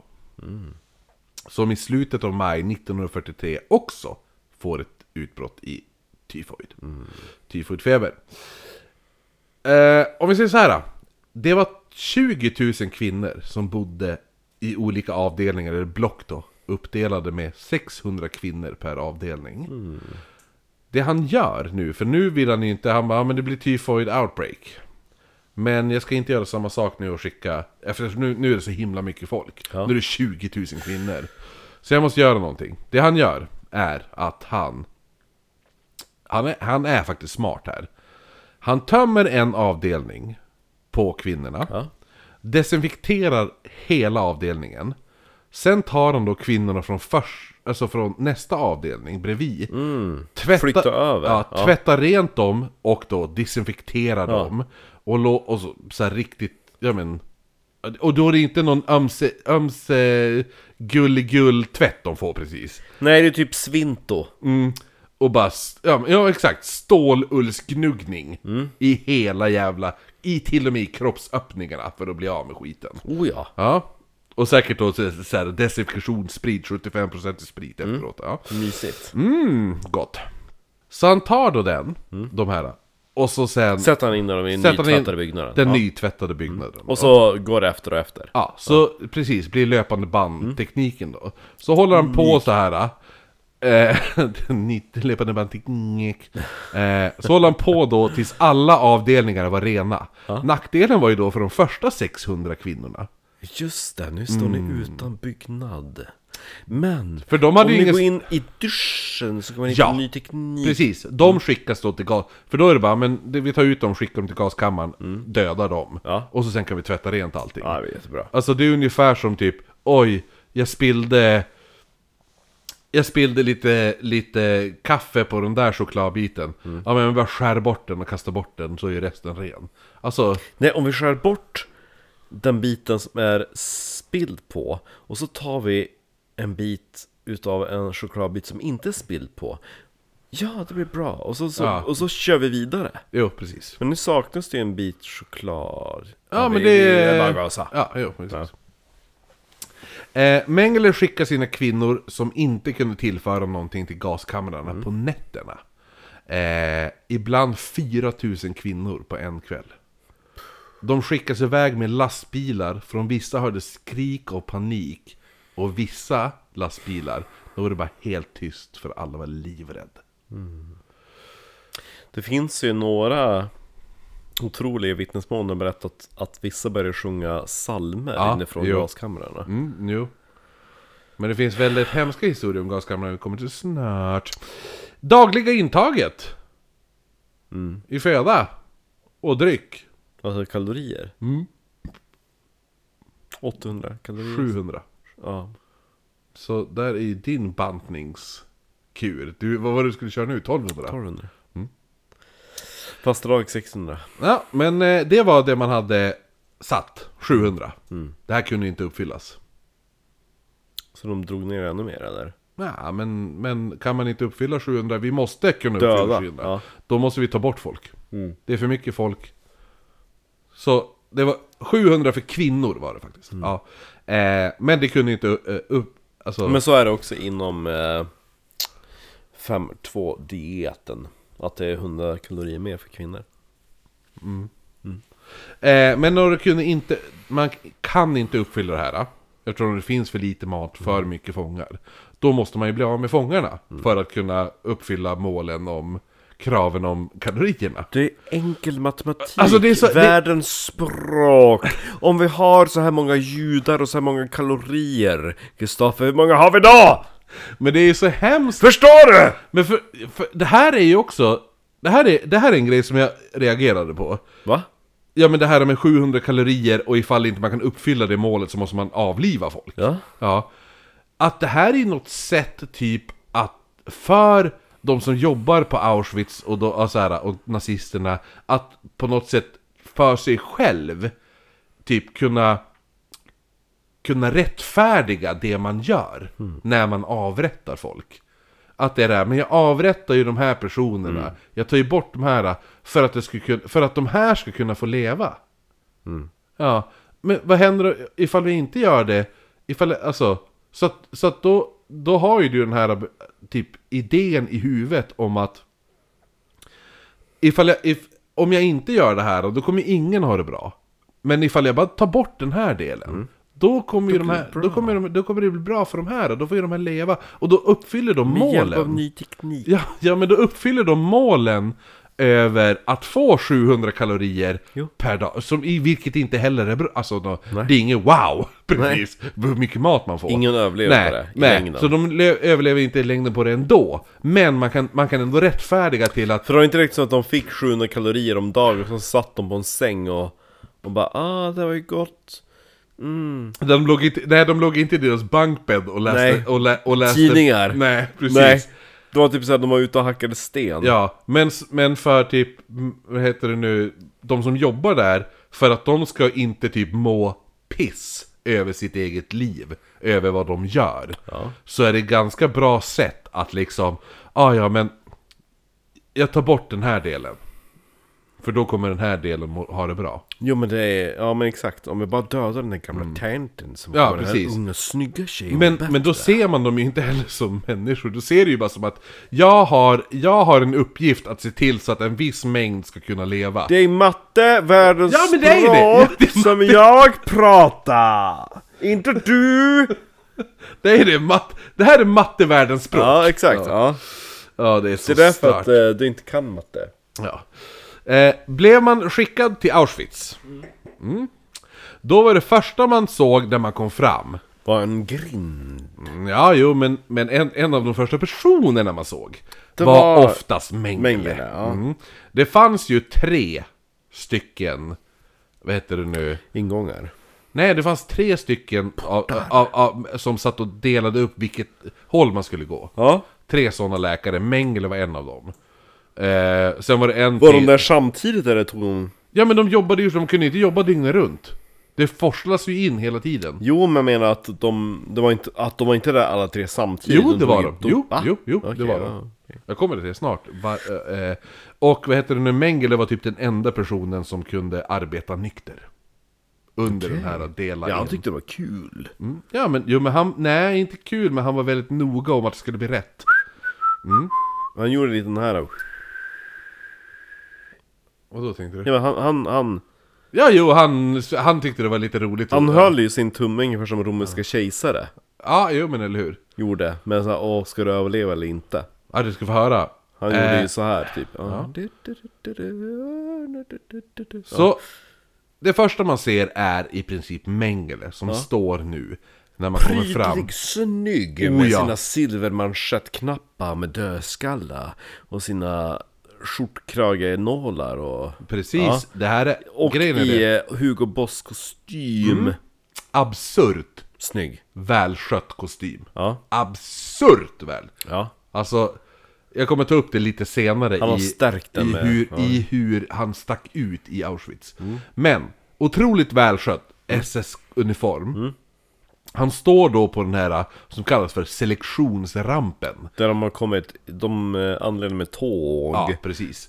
Och sen kliver de av. Han kliver av, han står där, det första man ser är hans, eh, hans jävla snygga kostym, nystruken, jävla pressväck på benen, han har glänsande kängor, nyputsad käpp. Mm. Och han, som han använde att peka på varje fånge när som kom. Och så sa han ett av två ord, han sa recht eller links. Vad sa du att det var? Recht eller links. Left or right? Ja, precis. Höger eller vänster. Även känt som leva eller dö. Mm. Hamnar du åt Alltså höger... jag sa eh, left or right. Ja, men alltså, jo men på tyska är det recht, links. Ja, jo men jag sa inte leva eller dö. Live and let die.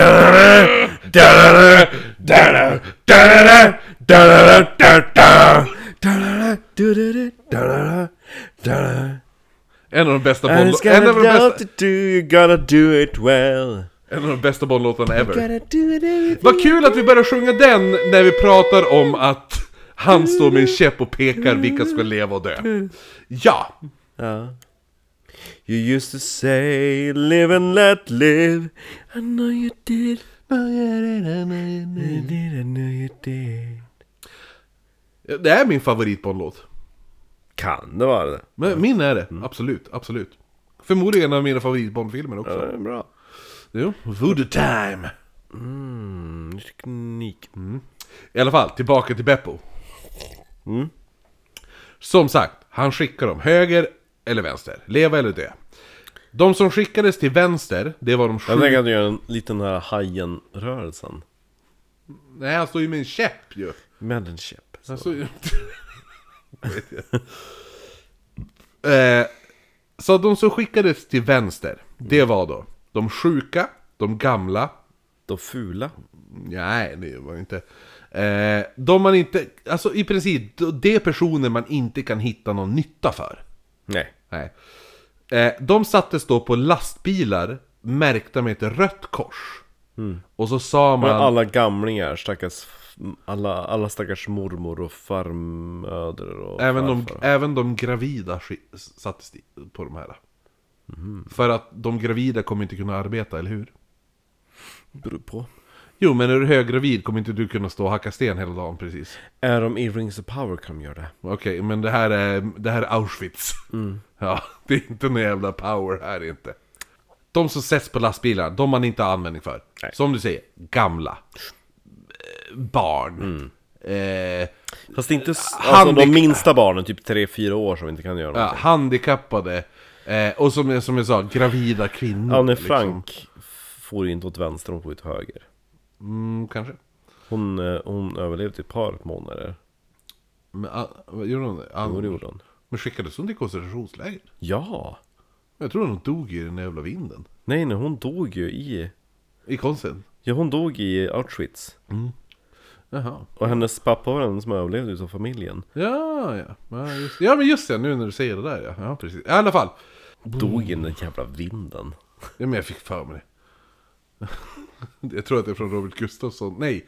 Eh, vad heter det? Jo, Jonas... Eh, Vad synd ja! Vi överlevde koncentrationsläger men vi dog i den där jävla vinden vi gömde oss på. ja, nej men vad heter, nej, men jag tänkte att hon dog innan koncentrationslägret. nej, nej, nej. Nej, men det var, jag fick för Nej mig men det. hon hamnade där i... Ja, men det, jag, jag har för mig, jag tror att det var för att, för, vad heter det nu, vad heter han, Jonas Gardell, när han körde sin stand-up, när han såg någon, någon sån här riktigt dålig eh, teater om Anne Franks liv. Och hon som spelar Anne Frank var så dålig, så när solda- SS-soldaterna klev in på scenen, så hörde man från, från publiken Hon är på vinden! ja, jag tror att eh, Stephen Fry berättade den historien också i, eh, i QI. Kul. I alla fall, tillbaka till det här nu, ska jag avsluta det här. Massa ny teknik. Ja. Det, de, det som hände var att de sattes då på lastbilar märkt med ett rött kors. Och man sa då att de skulle till sjukstugan. Eller sjuk. Ja. Eller, eller vad heter det nu? Typ, ja men sjuklägret. Ja. Eller vad man ska säga. Så vissa av dem som då istället skickades till, till höger. Att de skulle till arbetslägret. De började ju springa efter de här lastbilarna. Hjälp! Ja, bad dem, de, de bo, bönade och bad om att få följa med. Och vissa bara, jag har tuberkulos, eller jag har diabetes, eller jag är sjuk i det här, och Ja. sådana saker. Och, och, och för, att, för att komma med de här lastbilarna, där de inte visste att de här lastbilarna gick direkt till gaskamrarna och krematoriet. Eller ja. De trodde typ att det var Röda Korset bilar. Ja men de trodde ju, de bara, men det här, är, det här ska till sjukstugan. Ja. Så att de bara, ja men, ja, och då, men... Åh vad skönt Ja. att ligga på sjukhus. Jo, eller hur? Va- Vart vill du fara? Till, till ett arbetsläger? Där, du ska, där du ska hacka sten hela jävla dagen eller vad fan du ska göra? Eller vill du fara... Eller de bara Ja men alla de här som är så gamla och de som är... Det är så synd om dem. Ja men vi skickar dem till sjukstugan. Vart vill du åka? Det är klart du springer efter en sån lastbil och säger Ja, jag har eh, diabetes. Eller hur? Man bara, Ja. men du kan fortfarande hugga sten om du är diabetiker. Jo, fast får du inte ditt insulin så kommer du dö. Åh vad synd, då får du väl dö bland stenarna. Ja, vad, vad skulle du hitta på för sjukdom då? Du bara, jag har cancer! Nej, jag hade, jag hade bara huggit sten. Ja, men, så, Tills jag du, hade dött. så att ifall de bara, men här skickar vi iväg folk Nej, till... jag hade till gått runt med en, eh, är det en gul eller rosa trekant eller stjärna som är bög? Vi hade en särskild bögmarkering. Jag ja, tror att det är en, en rosa trekant eller något sånt där. ja. Mm. Ja, men, jo, men skulle, du, skulle inte du försöka ta dig till och få fara med lastbilen till sjukhuset? Där du får ligga och vila upp dig. Du bara, nej! Jag vill arbeta hårt! Nej men man tänker att de lär, ja jag vet inte fan. Det beror nog på när man kom till Auschwitz. För att, alltså the penny did drop eventually. Ja, men uppenbarligen inte Ja, här med nej. tanke på att det springer folk efter de här Ja. lastbilarna för att få med, för att följa med. Eh, det, det man inte visste var att, som sagt, eh, de här skickas då till gaskamrarna och, och, och då krematorien. Inte till Puff. Nej, det gjorde man verkligen inte. Och satt man på en av de här lastbilarna Men om man går fram till Mengele och lägger handen på hans hand mm, Då får du en avhuggen Nej, då hamnar man i puff Satt man på en av de här äh, lastbilarna då, Bilarna, ja. mm, Var man död inom fem timmar efter att man anlänt till Auschwitz Det fanns fyra krematorium På Auschwitz Alla var märkta med bad och desinfektionsrum på fyra olika språk Där inne fanns det flera skyltar på olika språk som hänvisade också till att man skulle klä av sig naken, knyta ihop sina skor, hänga upp kläderna på krokarna som man blivit tilldelade. Eh, för att man då skulle snabbt eh, då skulle kunna hitta dem efter duschen. Sa de. Eller rengöringen. Ja Det, den egentliga anledningen till varför man gjorde det här var för att man snabbt skulle kunna samla ihop allt, sortera och sen dela ut till tyska medborgare vars liv har då blivit lite sämre under kriget. Mm. Så efter man klätt av sig så leddes man in genom en lång korridor in i ett rum klätt med järnrör längs väggarna och sen släcktes alla lampor så det blev kolsvart i det här rummet. Efter det så dumpas pellets med cyklon B ner för ventilationen och gasen börjar fylla rummet. Det många inte vet kring de här äh, alltså gaskamrarna då Det är att eh, det var inte alla som gasades ihjäl. Nej Nej. De svaga och äldre och de minsta barnen i de här rummen Krossades jag De trampas ihjäl av de andra som förgäves försöker ta sig därifrån. De som dör i gaskamrarna hittas sen när man öppnar upp allting. De är helt blå i ansikten, ansiktena. De är, ansiktena är även för, förvridna av smärta. Det rinner blod från öron, näsa och ibland ögon. Sen skickas liken med det Sonderkommando. Och de som tömde gaskamrarna var inte nazisterna själva utan var ju andra Nej, det är, det är det Sonderkommando. Ja exakt Ja, det är alltså, de bestod enbart av andra judiska fångar.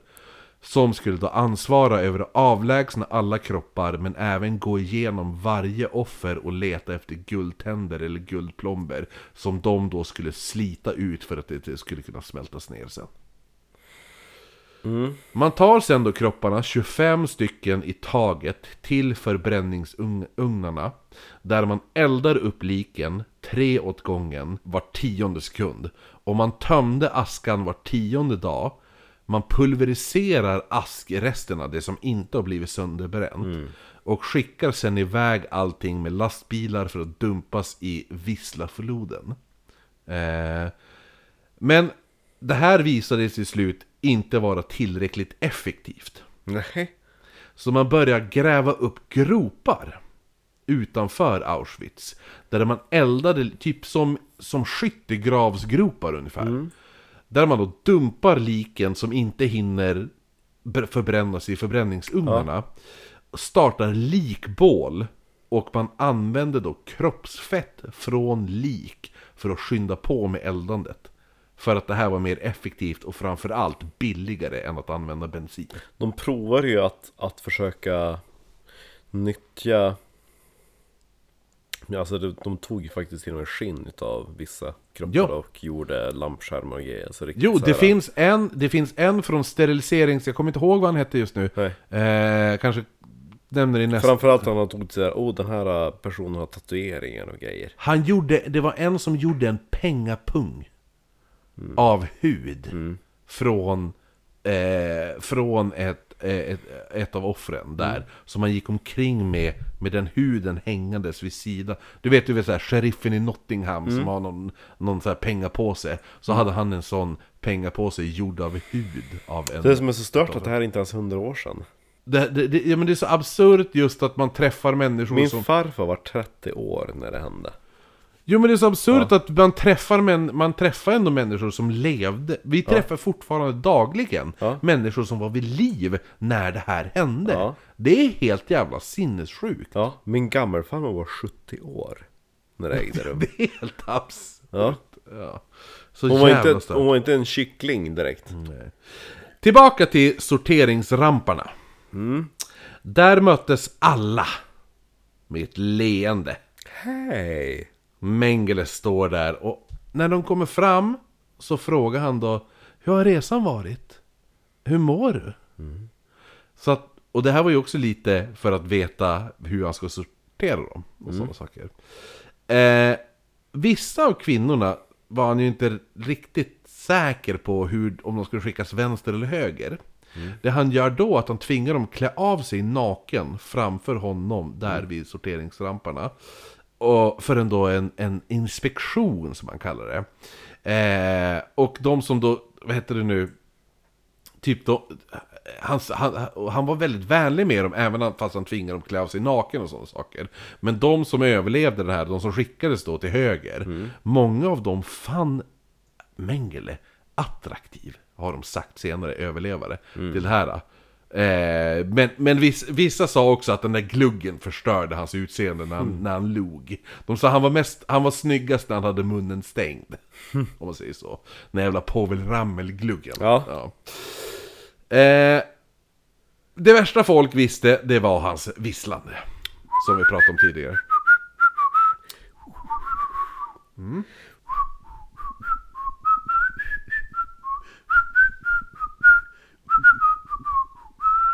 Det värsta, det värsta folk visste var ju att han bara gick omkring och visslade på, i Auschwitz. Glada operatoner. Det hade ju varit värre om han hade gått runt och Tralalalalalalalalalala Fast jag tycker det, det är något, visslande är fan mer obehagligt för det är så himla Det är så himla Muntert. ambivalent Ja det, det är muntert glatt och och ambivalent till omgivningen det är, Man helt jävla obrydd om vad som pågår runt omkring sig. Det är, Ja men det är som bara Ny teknik Ja men det, det är så här. Det, det låter så glatt och så trevligt och så just att det var så här operetter som man gick och visslade Ja. och sådana där saker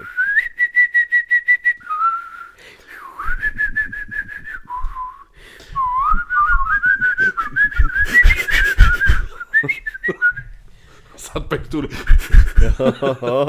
Oj, är det någon som håller på att föda och krysta? Nej, det är Mengele som håller på att försöka vissla väldigt snabbt Eller hur? Eh, Mengele vandrade då omkring i Auschwitz visslande på trallvänliga toner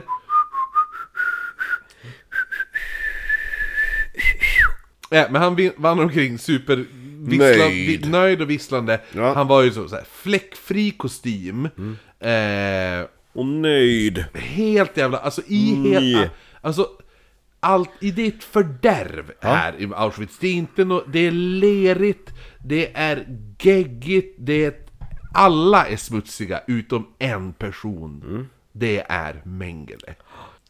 Det fanns gånger när hans där glada yttre ändrade.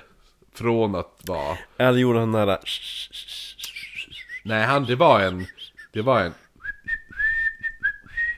Eller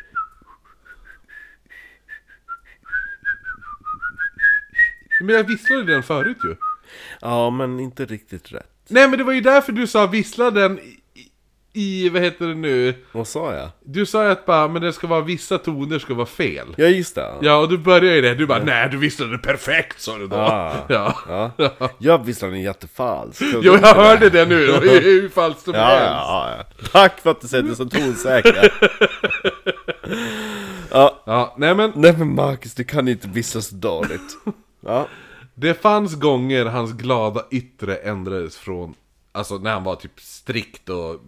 När han var strikt så var han ju bara, han var ju typ stoneface, men visslade, de gick omkring och visslade. Men ibland så ändrade det här till typ extas. Och det var de gånger man kunde höra honom yttra orden Zvillinge! Zvillinge! Zvillinge! varje gång hon skulle föda stod han där bara Svillingar! Nej, det var när de kom med tågen. Då stod han och kunde se tvillingar. Ja Och då vart han ju helt lyrisk. Han var Zvillinge! Zvillinge! Och så här. Eh, så här skriver ett par... Eh, eh, Svillingar mm, tvillingar. Ett par tvillingar sa så här om Mengele. Ja Som sagt, det här är från bok, direkt från boken, så det här är på engelska då. Och det här skriver eh, Mengele eh, en, en, en tjej eh, som var då en, en av tvillingarna då. Hon hette Irene Slotkin. Hon var fem när, det här, när hon kom till Auschwitz. Och hon sa då I remember the first time I saw him. He was wearing a green, dark green. And I remember his boots. That was probably the, the, the level of my eyes. Black, shiny boots. He was asking for Zwillinge! Zwillinge! He sounded very angry. I don't know how I understood if it applied to me. We knew that whatever whatever we had to do, we better do it fast and right. Mm. Och hennes bror då, eh, René, Mm. han säger så här att hur han blev räddad av Mengele. Mm. På grund av att han var en tvilling då. At one point, towards the end of the war, I was scheduled to go to the chambers. I knew I was going to lose my life. We were being loaded onto trucks when this car comes up. A convertible. That's when I saw Mengele. We were taken off the truck. He stopped the whole procession because they were going to kill his twins. No, the twin! Och, eh, vad heter det nu? Han, han kunde som sagt, alltså ibland kunde Mengele springa efter lastbilar. Bara för att dubbelkolla så att inga tvillingar missats. Och han var så jävla orolig över att tvillingar skulle skickas fel. Så att Mengele stod vid den här selektionsrampen på sina lediga dagar. Bara för att se till så att inga tvillingar skickades till vänster. Kunde vara tvillingar vilken ålder som helst. Eh, ja. Eller skulle det vara bara barntvillingar?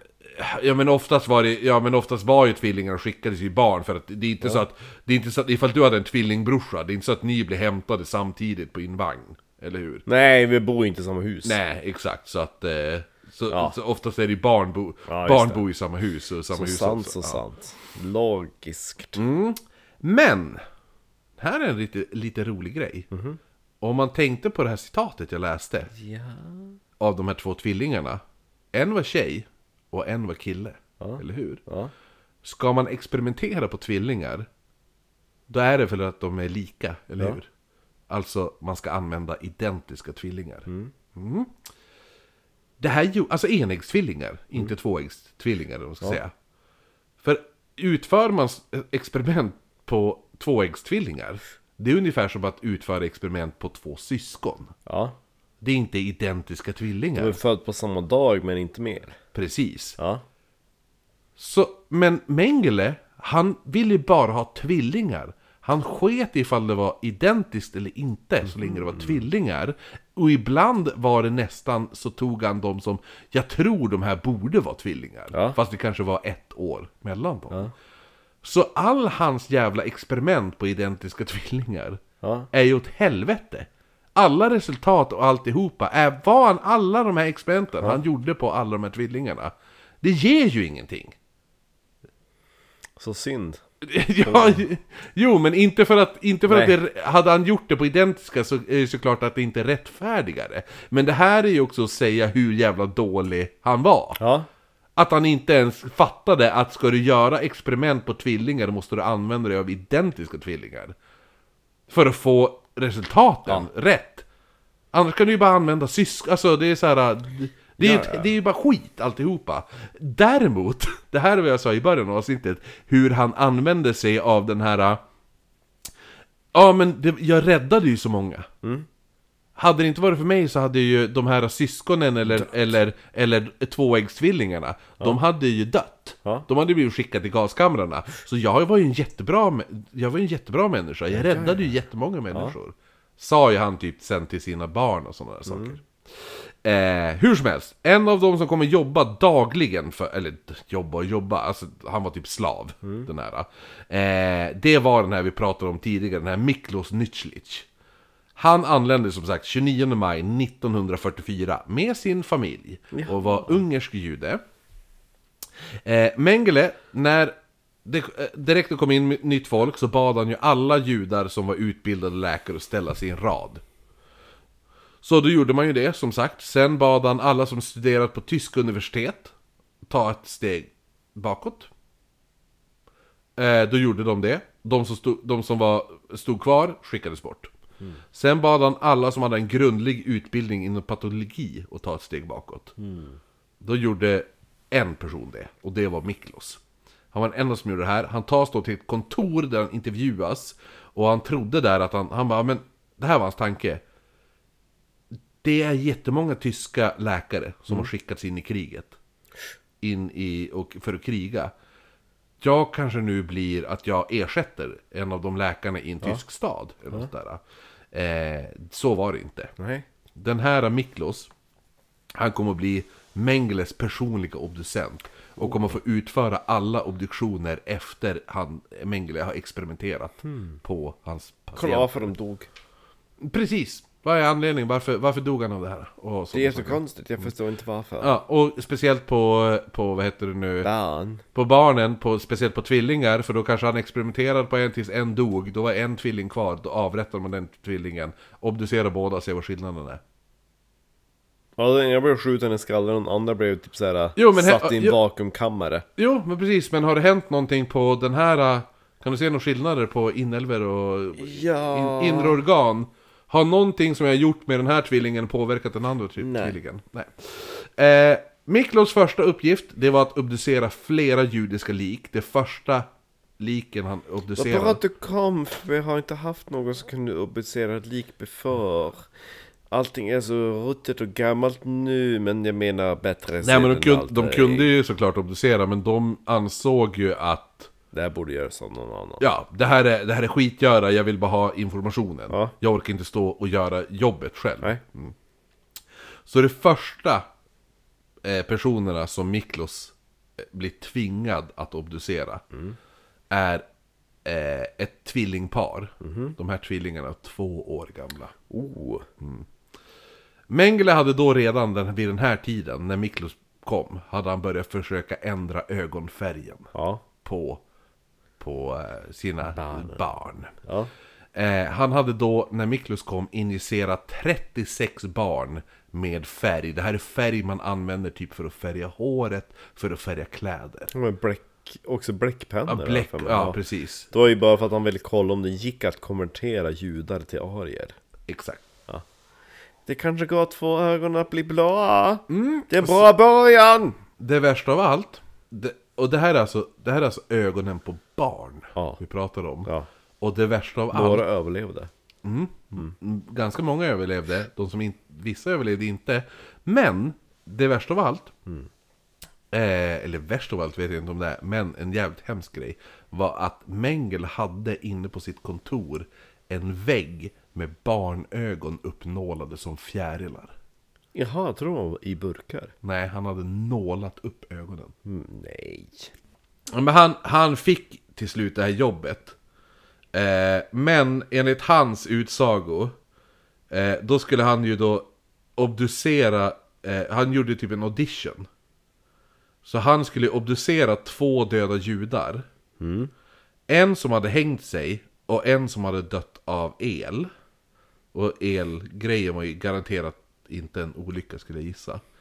Men När han la fram sin rapport med Mengele. Ja. Och så Mengele bara Men hur är du säker på att han tog av elchock? Det kunde bara vara hans egen Ja, utsaga. men medan han, han lyfter ut organen på de här två liken Ja.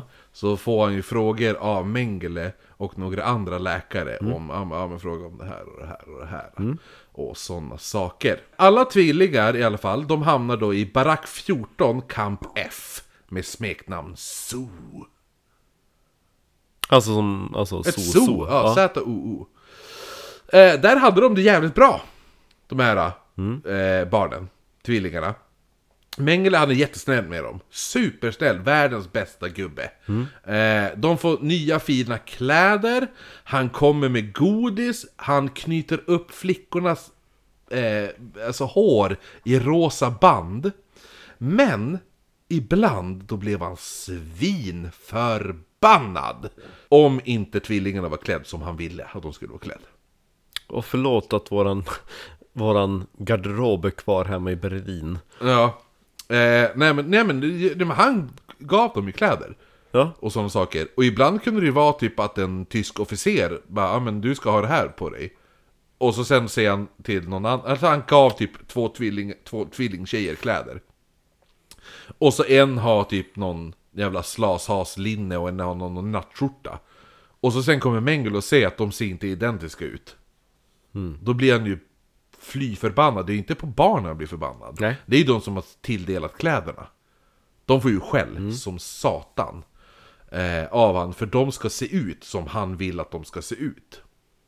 Som tvillingarna i The Shining. Han, ja precis. Han hade, ja men så här, han hade någon jävla bild Det ska ju synas att de är tvillingar! Ja. För Framförallt de som inte var tvillingar på riktigt, som Jo, man eller plockar hur? in. Eh, Bara, ser ni inte att det är tvillingar? De bara... Det är typ såhär 20 cm höjdskillnad mellan dem. jo. en har skägg och... Den andra är... Är typ fyra. Det är någon Eh, som bara ska gå såhär med böjda knän konstant, bara försöker låtsas smälta Eh, in.